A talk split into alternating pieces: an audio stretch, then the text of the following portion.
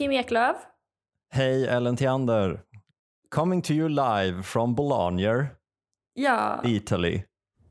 Du tog ju med mig på en stadsvandring innan vi körde igång idag. Um, jag måste säga att det är ju, alltså så här, det, det smärtar mig att se så vackra gamla hus och liksom att det funkar mm. att ni har det.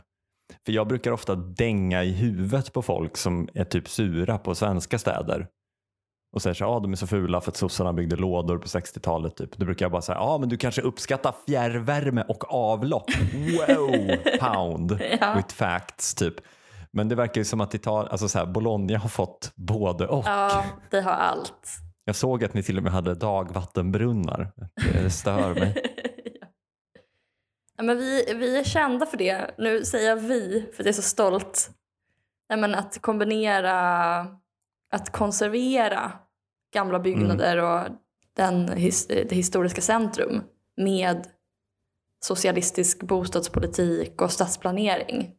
Det finns ju en mer etablerad syn på socialistiskt byggande, eller vad man ska säga. Känner du till Jonathan Ra- Rabban? Eller Rabban? Nej. Det- Han har skrivit en bok som heter Soft City. Ja, då så beskriver han eh, konservering eller eh, sån här restaurering som en mekanism för medelklassen att eh, tillvarata sina intressen. Mm. Men det är klart att det beror ju, allting beror ju på vem man gör det för. Och i Bologna Mm. så har man gjort det medvetet med tanke på folket. Att det här ska vara en, ett kulturarv som vi bevarar för oss medborgare. Och som vi ska kunna Mm. använda och bo i. De har gjort liksom restaurering folkligt.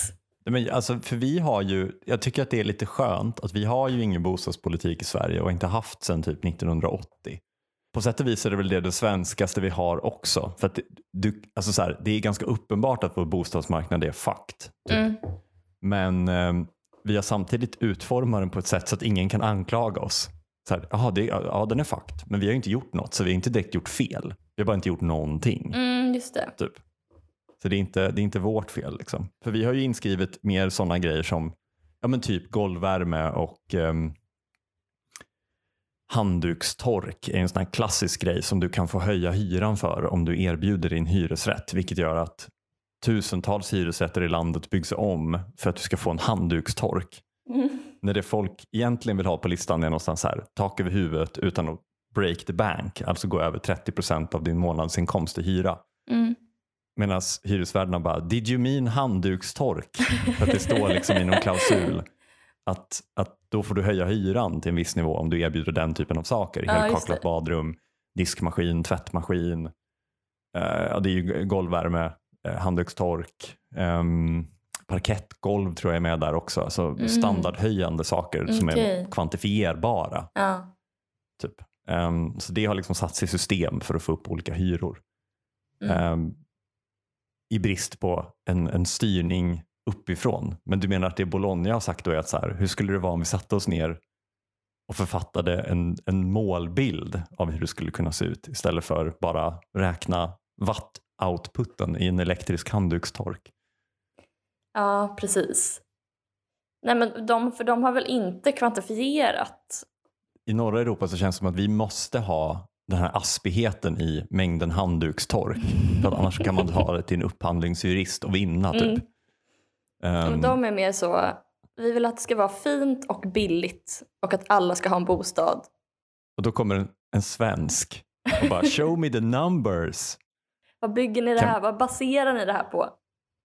Don't get me started så att säga om svensk eh, brist på bostadspolitik. Jag vill gärna get you started men det kanske kan vara ett specialavsnitt. Men då får det vara en punkt i sådana fall. För det här är en podd som går ut på att vi betar av punkter från en lista. En lista som Mm. har skrivit i förväg. Eh, kallar det inte för manus för då har vi inget koncept längre utan vi kallar det för en lista med punkter. Ja. Som producenten Sally hjälper oss att välja punkter ifrån så att det blir ett kul innehåll och inte bara en gnällig vänsterpodd. Mm. Eh, och den här veckan så blir det däremot en gnällig vänsterpodd. För Sally har satt ihop en Politik special!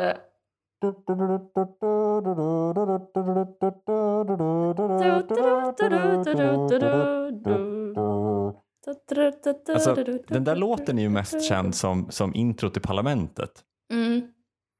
Men det är egentligen Marcia de Carolus Rex, Karl XIIs marsch. Um, Mm. Det är väldigt synd för det är den enda bra svenska militärmarschen. Mm. Alla andra våra militärmarscher, alltså USA har ju John Philip Sousa och de här liksom, alltså typ Washington Post March, ehm, eh, vad heter den då? Eh, heter den Stars and Bars? Den kanske bara heter uh, Star Spangled Banner. Ja, skitsam. De, de har Vad väldigt gullig du är mycket bra som tror att jag har lika bra koll på militärmarscher som du. Förlåt, jag trodde jag pratade med en annan kille. ja. Ehm, nej men, eh, men vi har bara Marcia de Carolus Rex. Alla andra våra militärmarscher är bara så Linköpings tredje ryttarregementets lilla vals. Typ. Mm. Och så är det så en liten flöjt Mm. som är ute och promenerar. Så det är synd. Jag vill bara säga att det är synd att vår bästa ja, militärmarsch har, har kapats av människor som gillar krig och inte bara oss som uppskattar en god bete.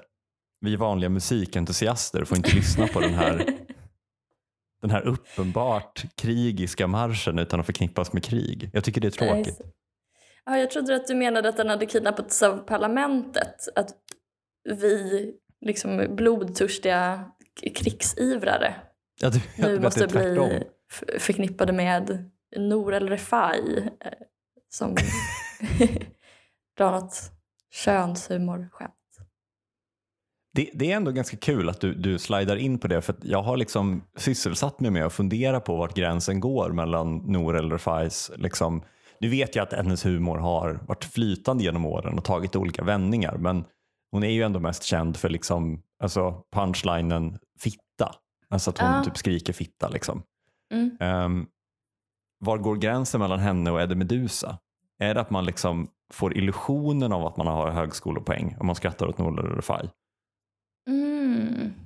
Ja, men är Nour El Refai liksom smeg-varianten av Eddie Meduza? Alltså, Ja. Eddie Meduza är en, en gammal så här, 70-talskyl. Ja, Tack för att ni kom till mitt avsnitt av fortsätt lyssna på den här politikspecialen. för fler skarpa spaningar. Eh, alltså jag måste bara, på tal om politikspecial då, jag måste bara säga att jag är väldigt glad för att du döpte senaste avsnittet till McGovernment. Jaså? Jag tycker att det är kul, alltså så här, det är ju en gammal vits liksom. Att, att skoja om att USA har ett McGovernment, alltså ofta i form av typ korruption. Att, Mm. Att liksom McDonalds har köpt den amerikanska staten för att få vissa. Ja, du vet, det, Mm. det klassiska att it's fueled by money. Typ. Jag men trodde jag att jag hade att kommit du- på det själv. Att du inte kommer på det skämtet. Jag trodde det. Ja, jag, jag, Jag trodde trodde att du jag, liksom... jag var den första som hade kommit på att USA är kapitalistiskt. Jag Att trodde det du finns- gjorde det som en blinkning till liksom gammal, eh, men så, gammal 80-90-tals humor. Ja, ja, ja. Michael Moore. Nej. Det är bara att jag aldrig har exponerats för ett enda skämt eller en enda nyhetsartikel. Det är som ett vargbarn fast i i humor. Vad händer om man stänger in en person i en källare hela sin uppväxt och aldrig utsätter dem för ett enda skämt? Ja. Man får nord eller fa- skoja. Eh, men, eh, nej men jag trodde, vadå? Alltså, men, du känner ju till McGovern sedan tidigare? Eller? nej, nej, nej. Det var första gången jag hörde talas om McGovern när du pratade om det. Det är ju med i alla liksom, serier som ska porträttera USA förr som man liksom lapar i sig. Men det är det här att du är så gullig som blandar ihop dig och mig. Du tror att jag lapar i mig politiska komediserier och eh, kan alla militärmarscher som någonsin har skrivits.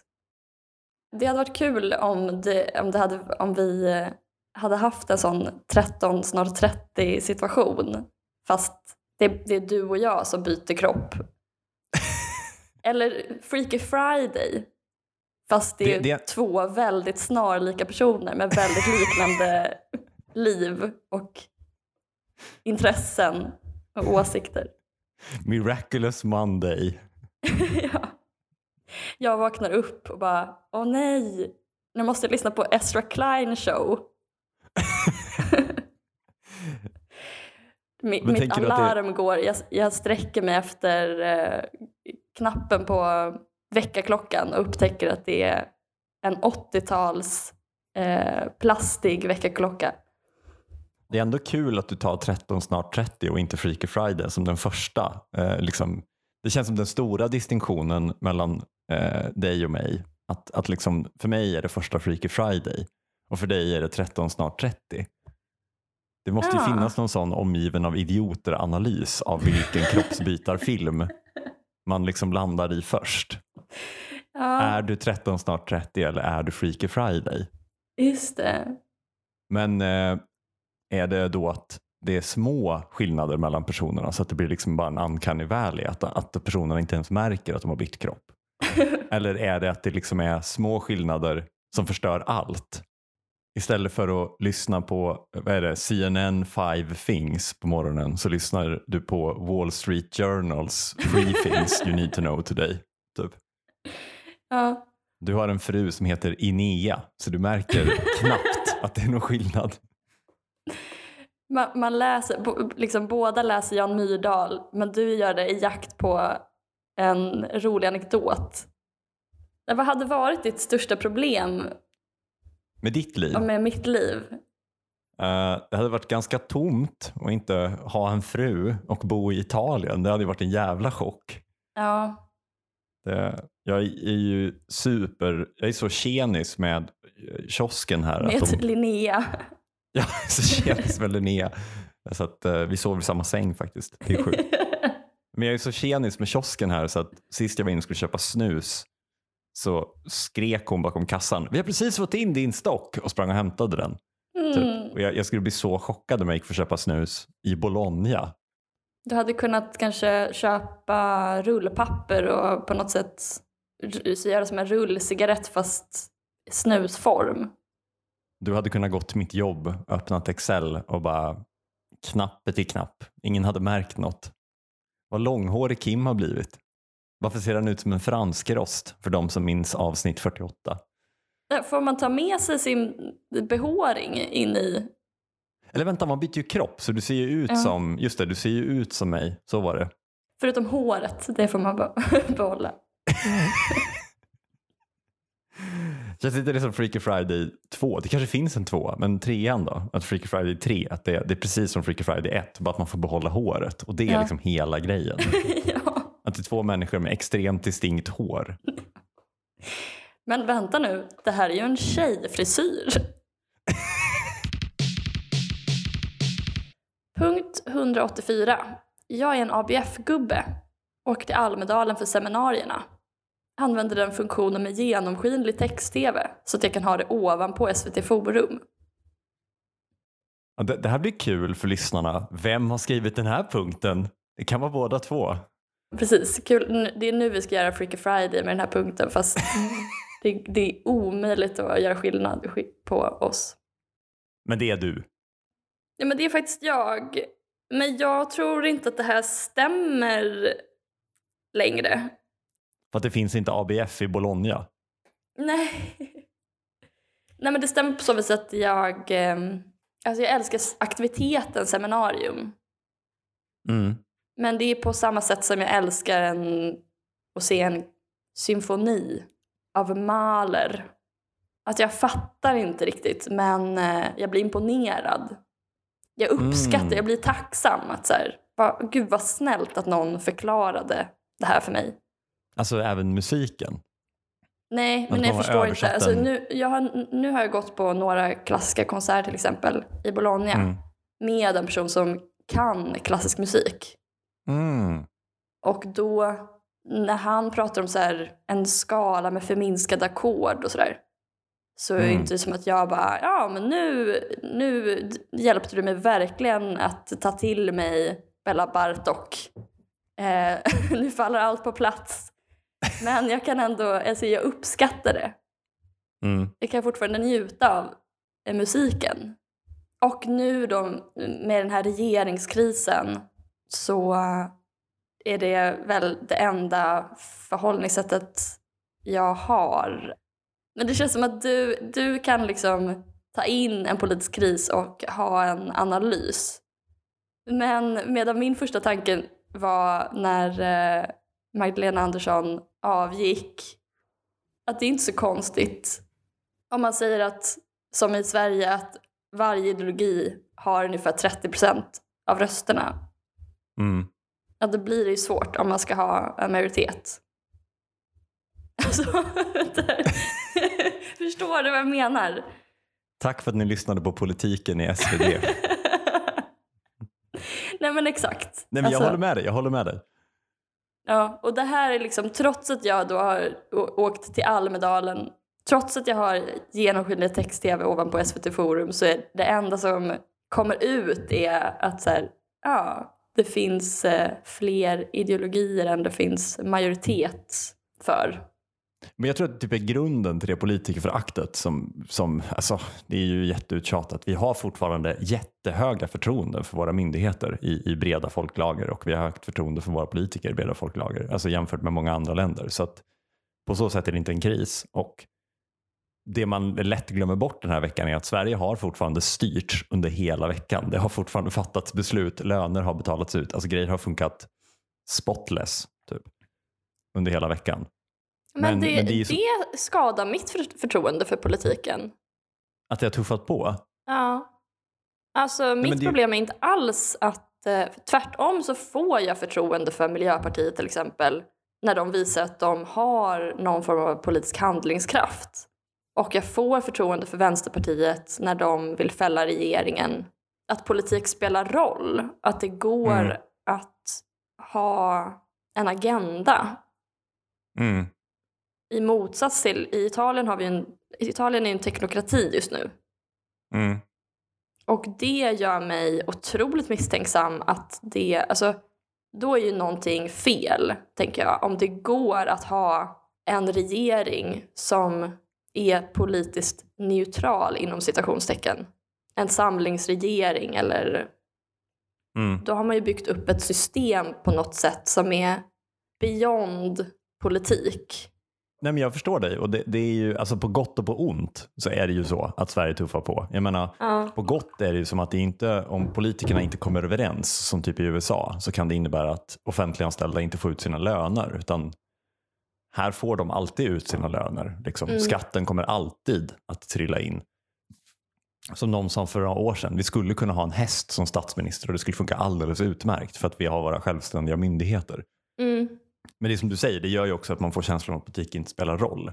Ja. Och det gör den ju typ, alltså det gör den ju om man fattar politiska beslut. Men som vi var inne på i början, vi har ju ingen bostadspolitik. Så det spelar inte så stor roll om det är Märta Stenevi som är bostadsminister. Mm. Som svarar på frågan hur ska vi lösa bostadskrisen med, det finns nu investeringsstöd för att energieffektivisera hus. Men för mig, alltså så här, för mig, jag tycker att det är toppen att den här veckan har varit inom citationstecken rörig, vilket den inte har varit. För att det finns tre ideologier och det är Mm. liksom härligt. Alltså, De ska ju bråka om plånboksfrågor, de ska bråka om ekonomin. Det är det jag Men det bråkar om med det- mina liberala vänner. Vi bråkar ju inte om människors lika värde eller liksom eh, ska vi ha en kvinnlig statsminister eller inte? För det är ganska ointressant. Vi bråkar ju Ja. däremot om typ ska vi återförstatliga apoteket? Ska vi Ja. återförstatliga järnvägen? Eh, ska vi ha fritt eh, vårdval? Mm. För men som det ser ut nu så kan du ju välja i Stockholm mellan om du vill föda på ett, eller du kan inte ens föda på det privata sjukhuset än, men snart kommer du kunna välja om du vill ha blå eller gröna skyltar när du föder och det är då någon slags valfrihet Mm. istället för att bara, du kan bara fokusera på typ, jag vet inte, hitta en gullig body till din unge. Det tycker jag är frihet. Istället Verkligen. för att fundera på vilken färg ska vi ha på skyltarna?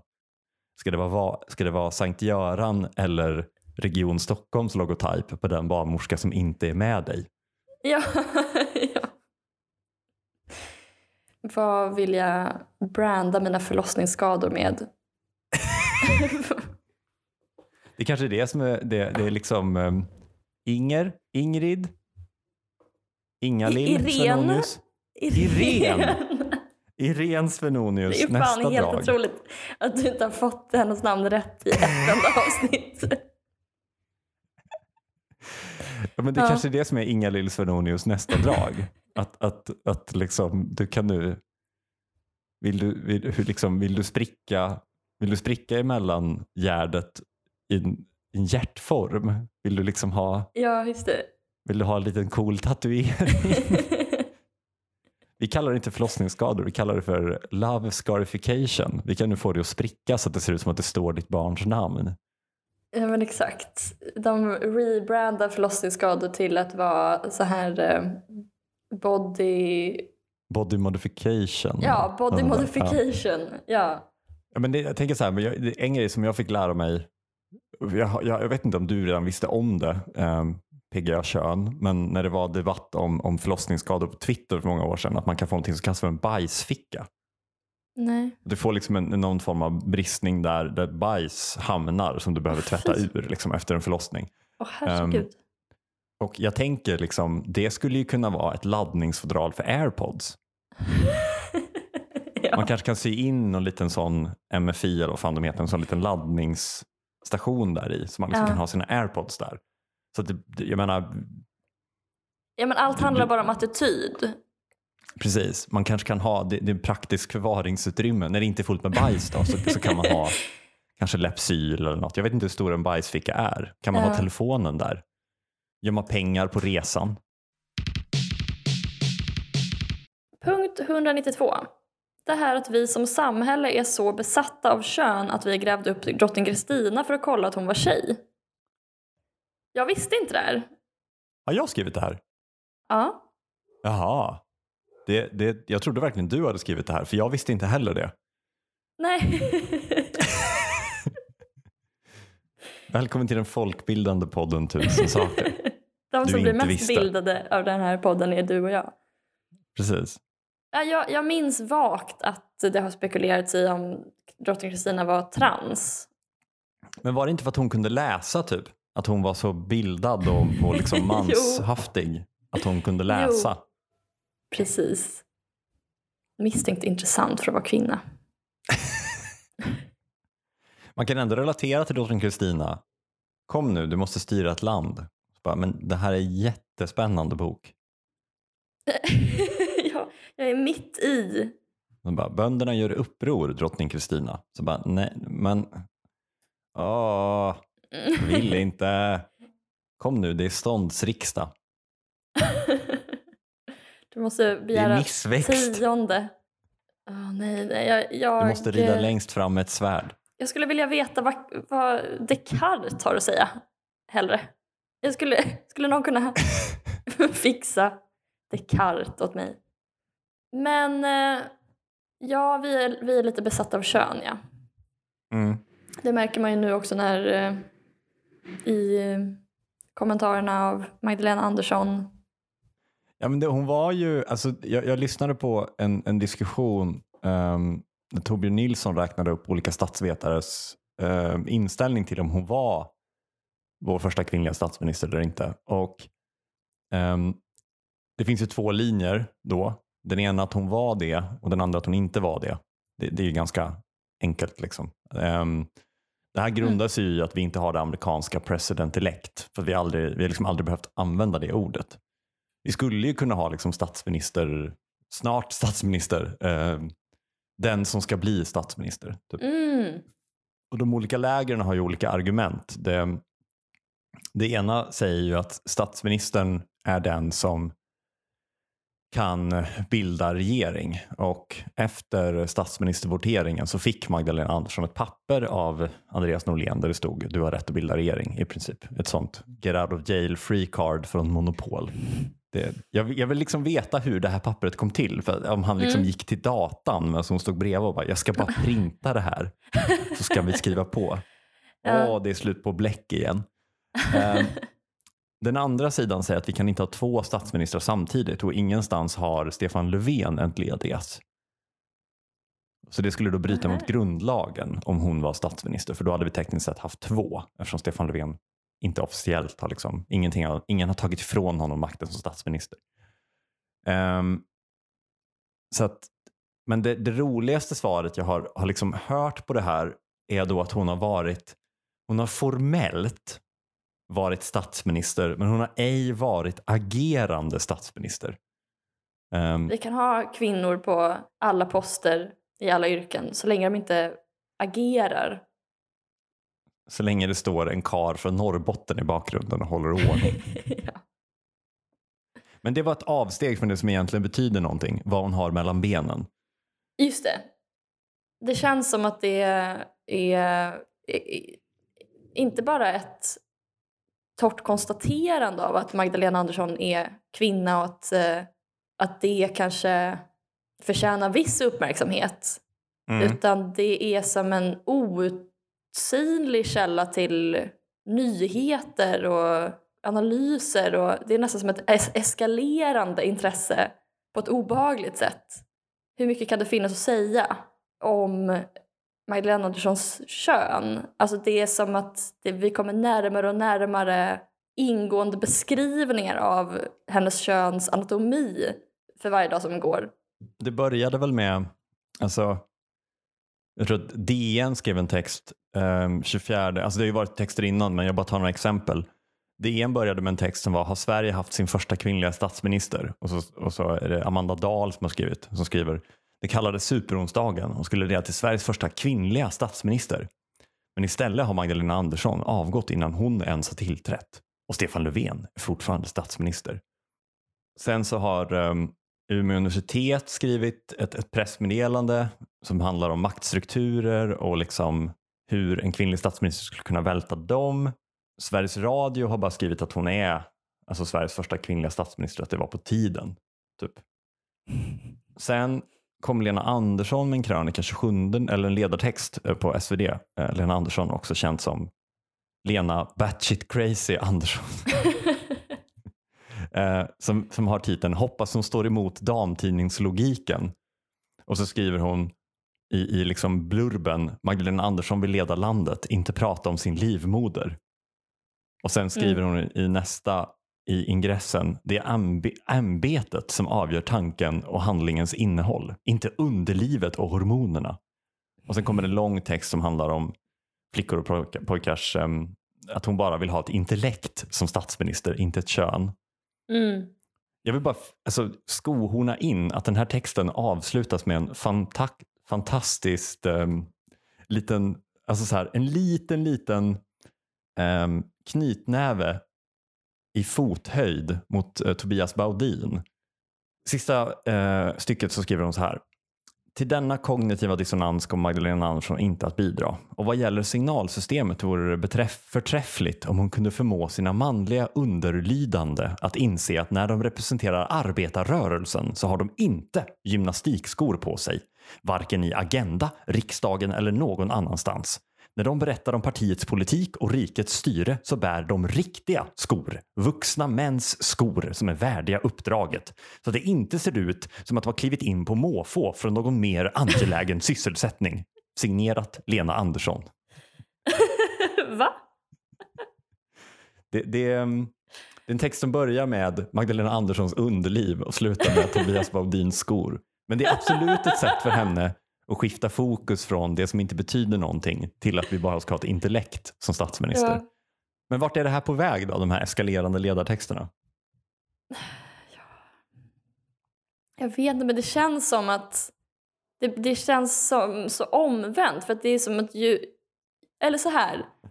Åh, nu har vi äntligen en kvinnlig eh, statsminister.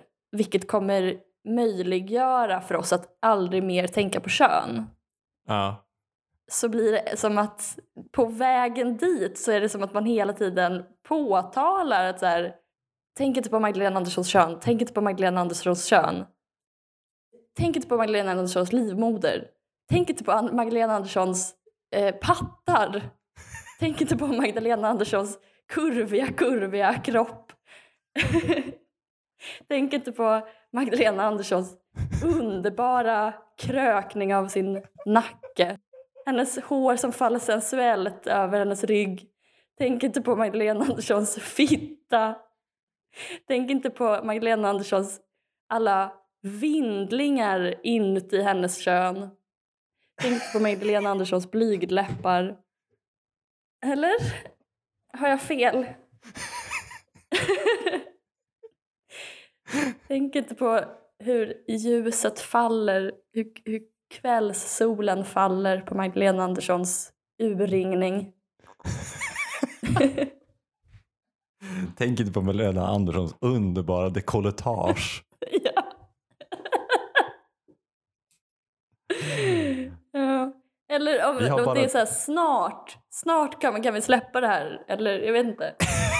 Och äntligen, vad jag, gud vad jag längtar till att vi inte ska behöva tänka på Magdalena Anderssons vader som spänns i hennes klackskor. Äntligen har vi bara ett intellekt. Ett intellekt med två äggstockar och en livmoder. Meanwhile så, så kommer hon verkställa en borgerlig budget till exempel. Vilket är helt sinnessjukt.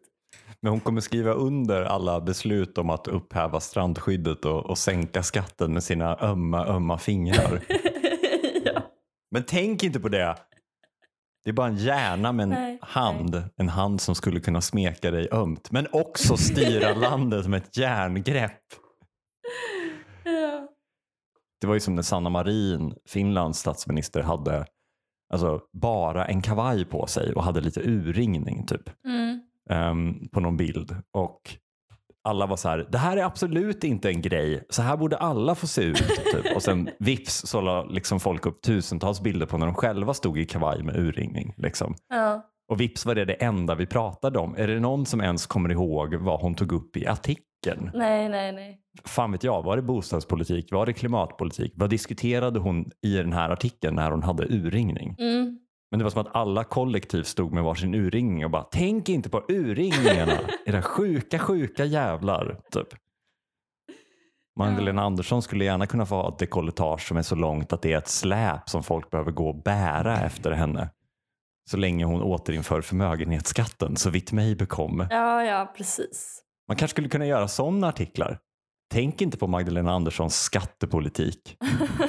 Åh, din sjuka, sjuka jävel. Här sitter du och tänker på investeringsstöd för billiga hyresrätter. Jag trodde vi var förbi det i det här landet. ja. Du menar som omvänd psykologi? Tänk inte på att Magdalena Andersson i sin första budget 2014 presenterade en ganska tydlig fördelningskurva över hur deras budgetjusteringar slog mot de som hade absolut minst i samhället. Tänk inte på den powerpointen framför dig, din snuskummer. Gå in i private mode och googla fram fördelnings... Tänk på hennes sexiga, sexiga fördelningskurvor. Det är de enda kurvorna jag tänker på som feminist vill jag säga.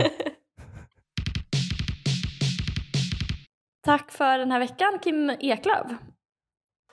Tack för den här veckan. Ellen Tiander, Vi kommer ut på tisdagar klockan sex på morgonen.